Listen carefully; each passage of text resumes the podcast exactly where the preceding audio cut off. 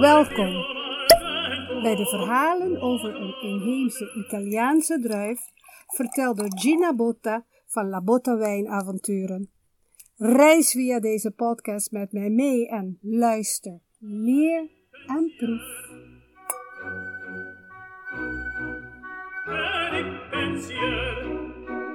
Tijdens deze eerste aflevering zullen we het hebben over wat zijn inheemse druiven? Waarom heeft Italië zoveel inheemse druivenrassen? En hoe komt het dat er steeds meer belangstelling is voor wijnen van Italiaanse inheemse druiven? Wat zijn inheemse druiven? Ik begin met een citaat van Ian D'Agata, wetenschappelijke schrijver en momenteel beschouwd als een van de grootste experts van Italiaanse wijnen. Vrij vertaald zegt hij: Wijn is geen frisdrank. Het wordt niet industrieel gemaakt. Het is niet onafhankelijk van relaties met de aarde, of met de geschiedenis, of met de sociale context van de mensen die het maken. En bovenal, wijn kan niet en zou niet besproken mogen worden zonder het te hebben over de druivenrassen waarvan het gemaakt is. Afhankelijk van hun afkomst kunnen we druivenrassen verdelen in inheemse, internationale en traditionele druivenrassen en alle drie soorten komen in Italië voor.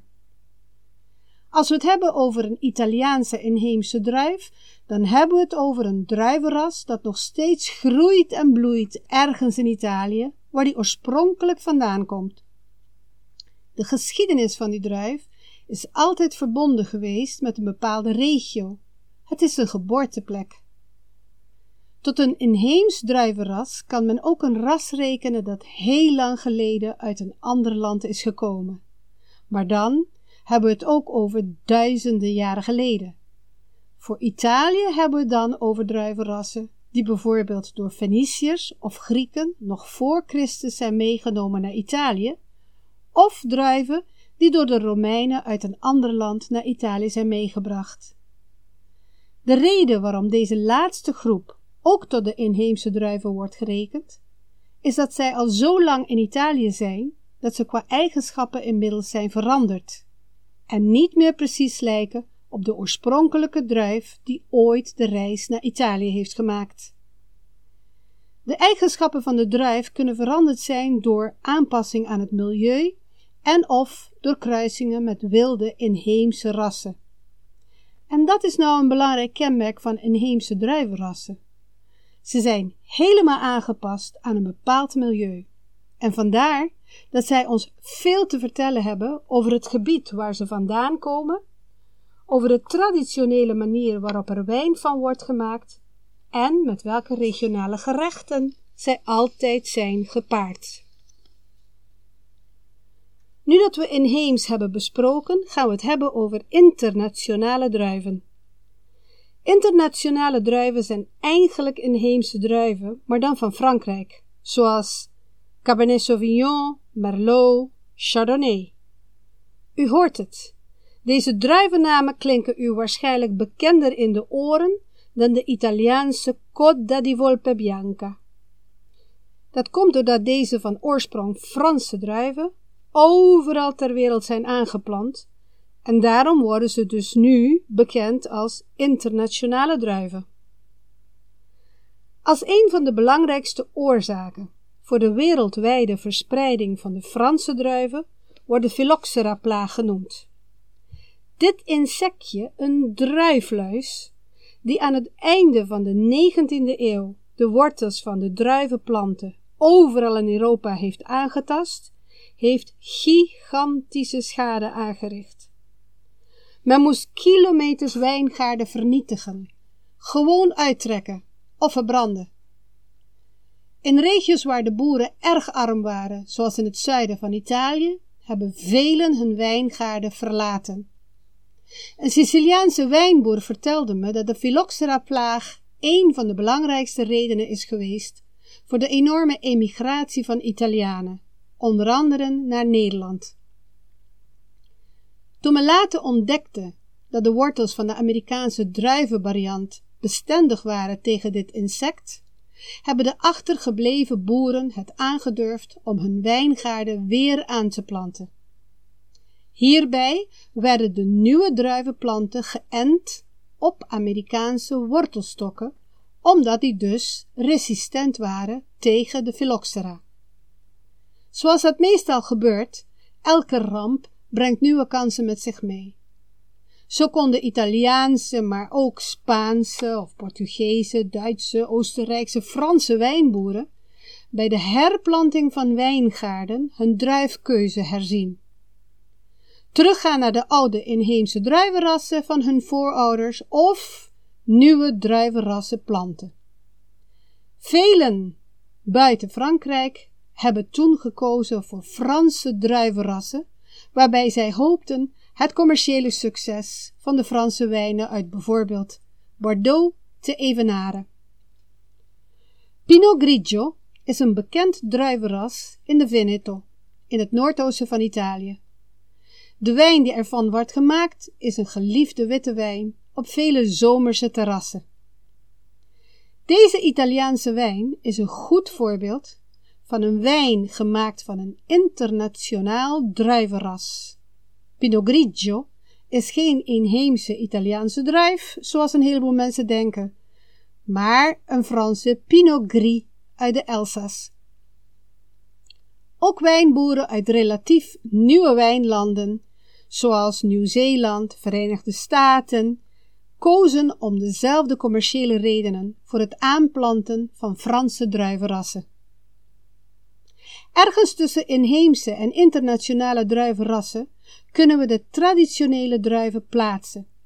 Deze zijn ook uit het buitenland gekomen, alleen niet duizenden jaren geleden, zoals toen de Feniciërs druiven met zich naar Italië brachten, en ook niet recent, aan het begin van de 20ste eeuw, zoals toen de Franse druiven werden aangeplant. Het zijn druivenrassen die tussen 3 à 500 jaar geleden uit het buitenland zijn meegenomen, die niet qua erfelijke eigenschappen zijn veranderd, maar die zo zijn ingeburgerd in een bepaald gebied dat het inmiddels deel uitmaakt van de regionale traditie. Een goed voorbeeld hiervan is Merlot, die zodanig is ingeburgerd dat een oude Toscaan niet kon geloven toen ik vertelde dat zijn geliefde Merlot, die hij vaak mengt met de druivenras Sangiovese, van oorsprong uit Bordeaux komt. Volgens mij gelooft hij me nog steeds niet. Voor mij als wijnreiziger door Italië zijn inheemse druiven belangrijk. Ze zijn niet beter of slechter dan geïmporteerde druiven, maar ze vertellen mij een verhaal over hun specifieke geboortegrond. En als je, zoals ik, Italië lief hebt, dan wil je ook via het verhaal van de inheemse druiven je geliefde beter leren kennen. De druiven en dus de wijn vertellen ons over de bodem waarop ze groeiden en over de klimatologische omstandigheden. Als voorbeeld van hoe de directe omgeving druif en wijn kan beïnvloeden, noem ik twee inheemse druivenrassen die ik op Sicilië heb leren kennen. Nerello Mascalese en Nerello Cappuccio, die vaak samen in een blend worden gebruikt om de Etna Rosso te maken. Etna Rosso is de rode wijn van het gebied rondom de vulkaan Etna op Sicilië. Deze druiven zouden bij wijze van spreken ook in Californië kunnen groeien. Maar als je de wijngaarden bezoekt op de helling van de constant rokende en in de afgelopen maanden zelfs vuurspugende Etna, dan begrijp je waarom deze rode wijn die kenmerkende geur en smaak heeft. Ik heb op de ruige vulkanische bodems gelopen.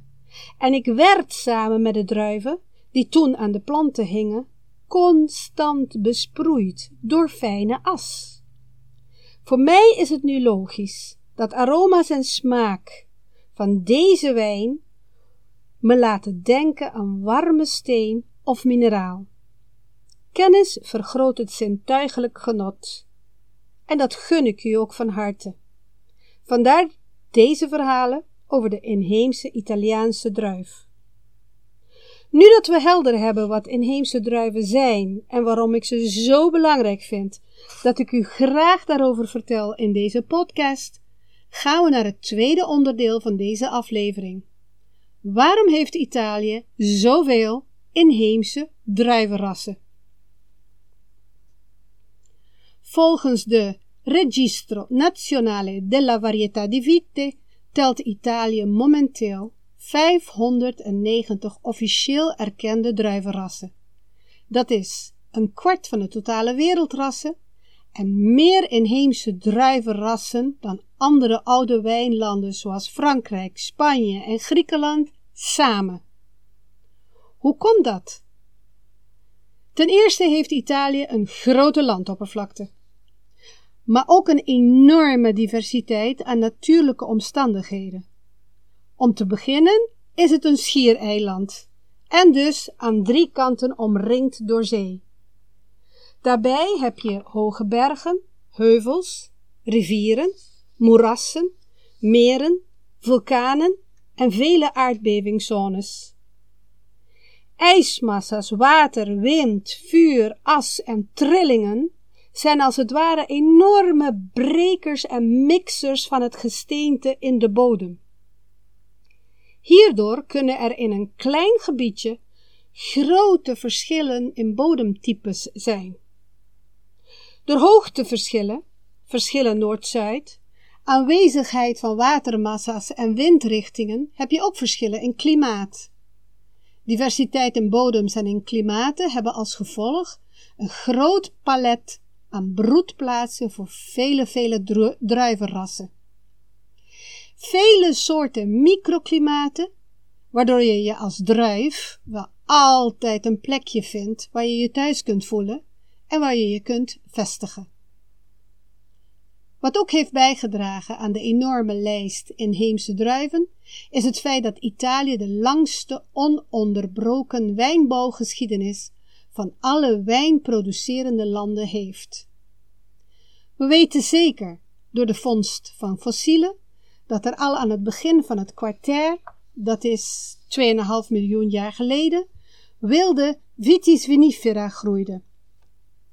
Vitis vinifera is de druivensoort waarvan onze tegenwoordige bekende druivenrassen van afstammen. Ook archeologische vondsten bewijzen dat er sinds duizenden jaren voor Christus wijnbouw plaatsvond, dat er wijn werd gedronken en dat er handel mee werd gedreven. Denk maar aan de vondst van vorig jaar in Pompeii. Onder het puin van de uitbarsting van nog een vulkaan, in dit geval de Vesuvius, is er een thermopolium, een soort takeaway, een ristorante da sporto, voor warm eten blootgelegd. Behalve aardewerkpotten met voedselresten, zijn er ook kruiken met wijnresten gevonden. Warme snack en een wijn to go. In 79 na Christus. Mijn soort mensen. Ondanks het feit dat het gebied, die we nu als Italië kennen, in de loop der duizenden jaren bewoond is geweest door vele volkeren, is wijnbouw altijd een constante geweest. We, he uh, we hebben reeds de Feniciërs en de Grieken genoemd, maar denk ook aan de Etrusken, de Lombarden en natuurlijk de Romeinen, naast tal van andere onbekendere volken. Van de Romeinen weten we dat ze heel veel wijn dronken, maar er werd er ook veel over geschreven. Er werd geschreven over de verschillende soorten druiven, over wijnbouw, over het maken van wijn en zelfs de allereerste wijnrecensies. Wijn werd in de oude tijd, net als bier, gedronken omdat het een gefermenteerde drank veiliger was om te drinken dan bijvoorbeeld rivierwater. Maar wijn stond een paar treden hoger in aanzien bij vele van deze volken, omdat het als de drank der goden werd beschouwd. De Grieken hadden zelfs Dionysius, de god van de wijn. De Romeinen keken de kunst af en noemden hun wijngod Bacco of Bacchus. Dus, sinds duizenden jaren zijn er in Italië volkeren geweest die wijn belangrijk vonden en die daardoor de druivenrassen hebben gekoesterd. In nieuwere tijden vinden we politieke reden voor het grote aantal inheemse druiven. Italië is namelijk een jonge natie.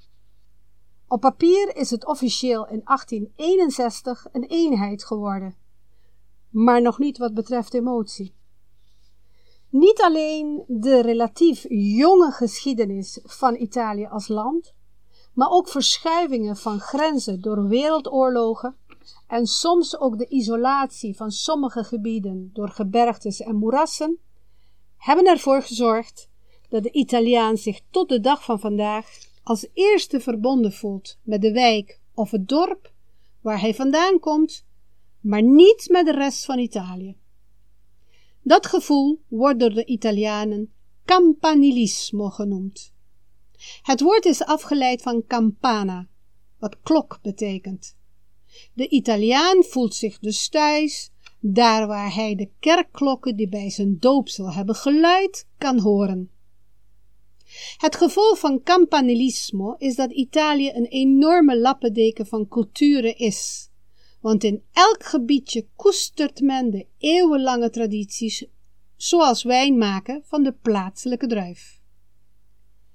De religieuzen die de campane luiden, hadden ook een rol, of hebben ook een rol gespeeld tot de dag van vandaag, bij het behouden van oude druivenrassen. In het Rooms-Katholicisme zijn er tal van verbindingen met druivenplant, druif en wijn. Een druivenrank die vigoureus om zich heen woekert, is een symbool voor de leer van Jezus. Het eerste wonder van Jezus in het openbaar was bij de bruiloft van Cana, waarbij Jezus bij een tekort aan wijn en op verzoek van zijn moeder water veranderde in wijn. Mijn favoriete wonder. Maar het summen is natuurlijk dat Jezus wijn dronk tijdens het laatste avondmaal en het tijdens de eerste Eucharistieviering veranderde in zijn bloed. Dat alles heeft als gevolg dat wijn een belangrijke rol speelt in de rooms-katholieke tradities.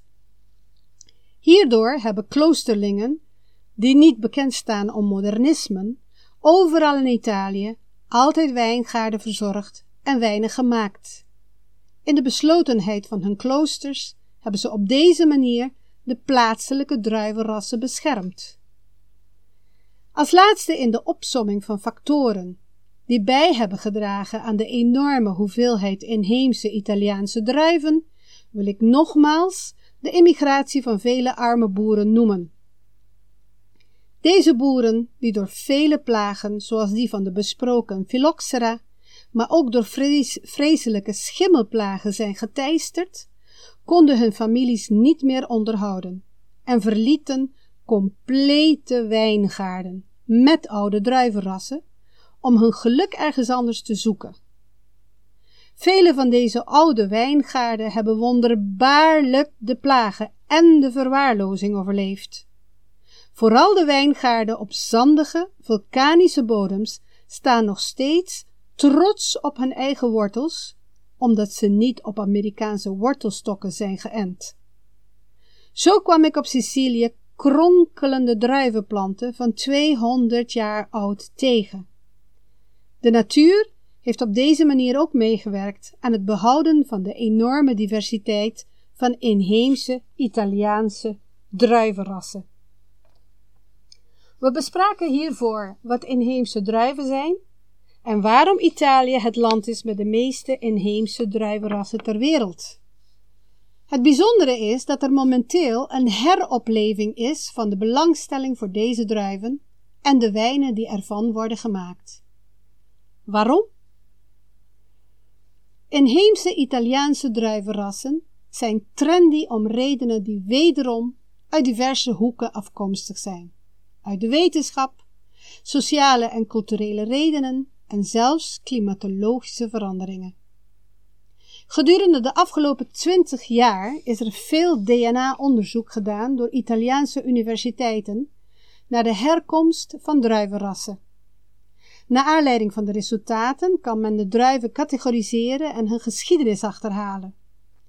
Er is ook veel gepubliceerd over de bevindingen door wijnwetenschappers of door wetenschappelijke journalisten, zoals de aan het begin geciteerde Ian Dagata.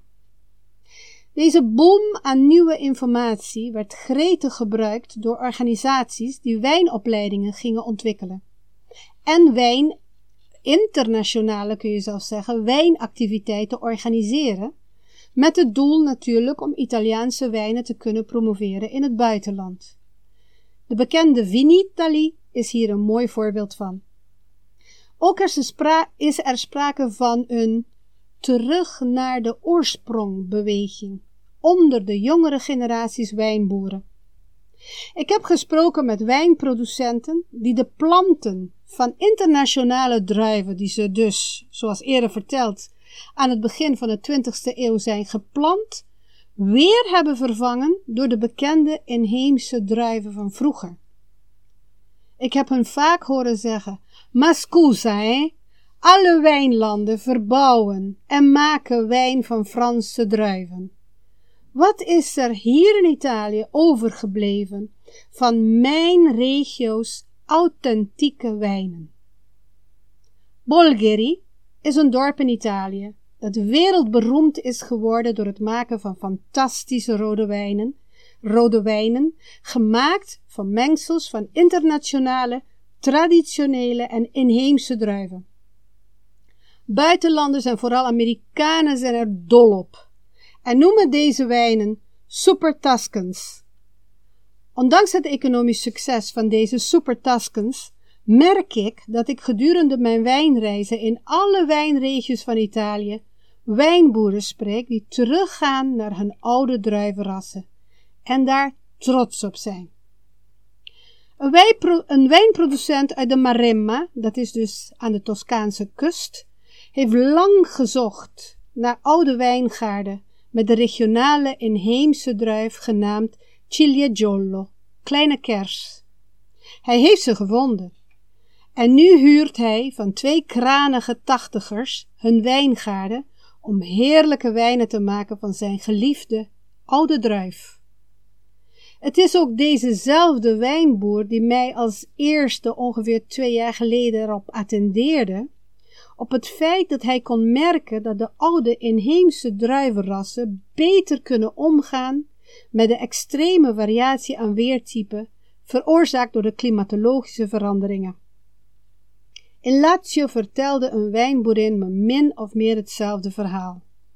Ook zij heeft lang gezocht naar een oude wijngaard met de inheemse Aliatico om te huren of te kopen, met het doel authentieke wijnen van te maken met een nieuwe twist. Want oude manieren van werken met inheemse druiven in wijngaard en wijnkelder, dat wordt gecombineerd met de scheikundige en biologische kennis van nu, waardoor de boerse wijn van overgrootvader een kwaliteitswijn wordt.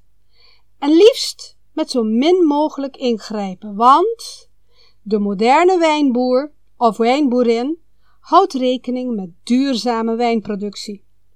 Tradities in een nieuw jasje. En ik merk dat het werkt. Italië krijgt vele prijzen om wijnen die gemaakt zijn van internationale druiven, zoals recent een gouden medaille voor een Sauvignon Blanc uit de regio Alto Adige, uitgereikt door de Concours Mondial du Sauvignon. Maar de wijnen gemaakt van, van inheemse druiven zie ik een opmars. Eerst op de ranglijsten van eigen Italiaanse wijncritici, maar ook steeds meer op het wereldpodium. Italië is echt een land voor repeat tourism.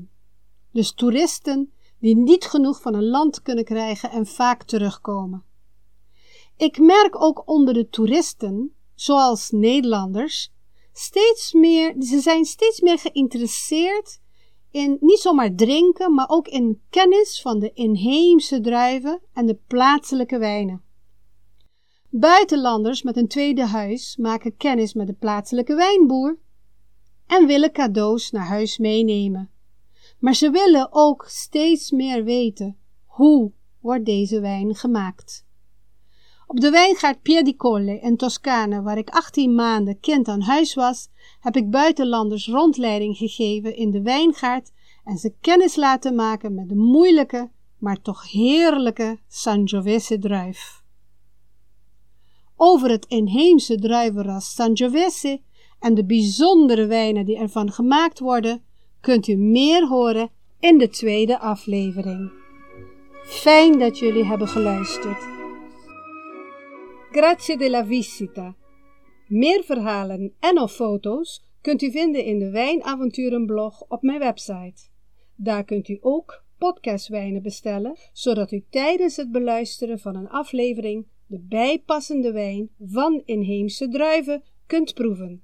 Luister, leer en proef in uw eigen tijd en in uw eigen omgeving. Om de lancering van de podcast te vieren, kunt u ook door het mailen, door een review achter te laten of nog mooier, door te abonneren op mijn podcast in aanmerking komen voor een fles wijn cadeau. Mijn wijnen heb ik persoonlijk en in beperkte oplagen van ambachtelijke Italiaanse wijnboeren meegenomen, dus een cadeau molto speciale voor mijn molto speciale luisteraars. In elk geval, non dimenticare, niet vergeten, we hebben een afspraak staan voor het volgende verhaal over de inheemse Italiaanse druif. Arrivederci.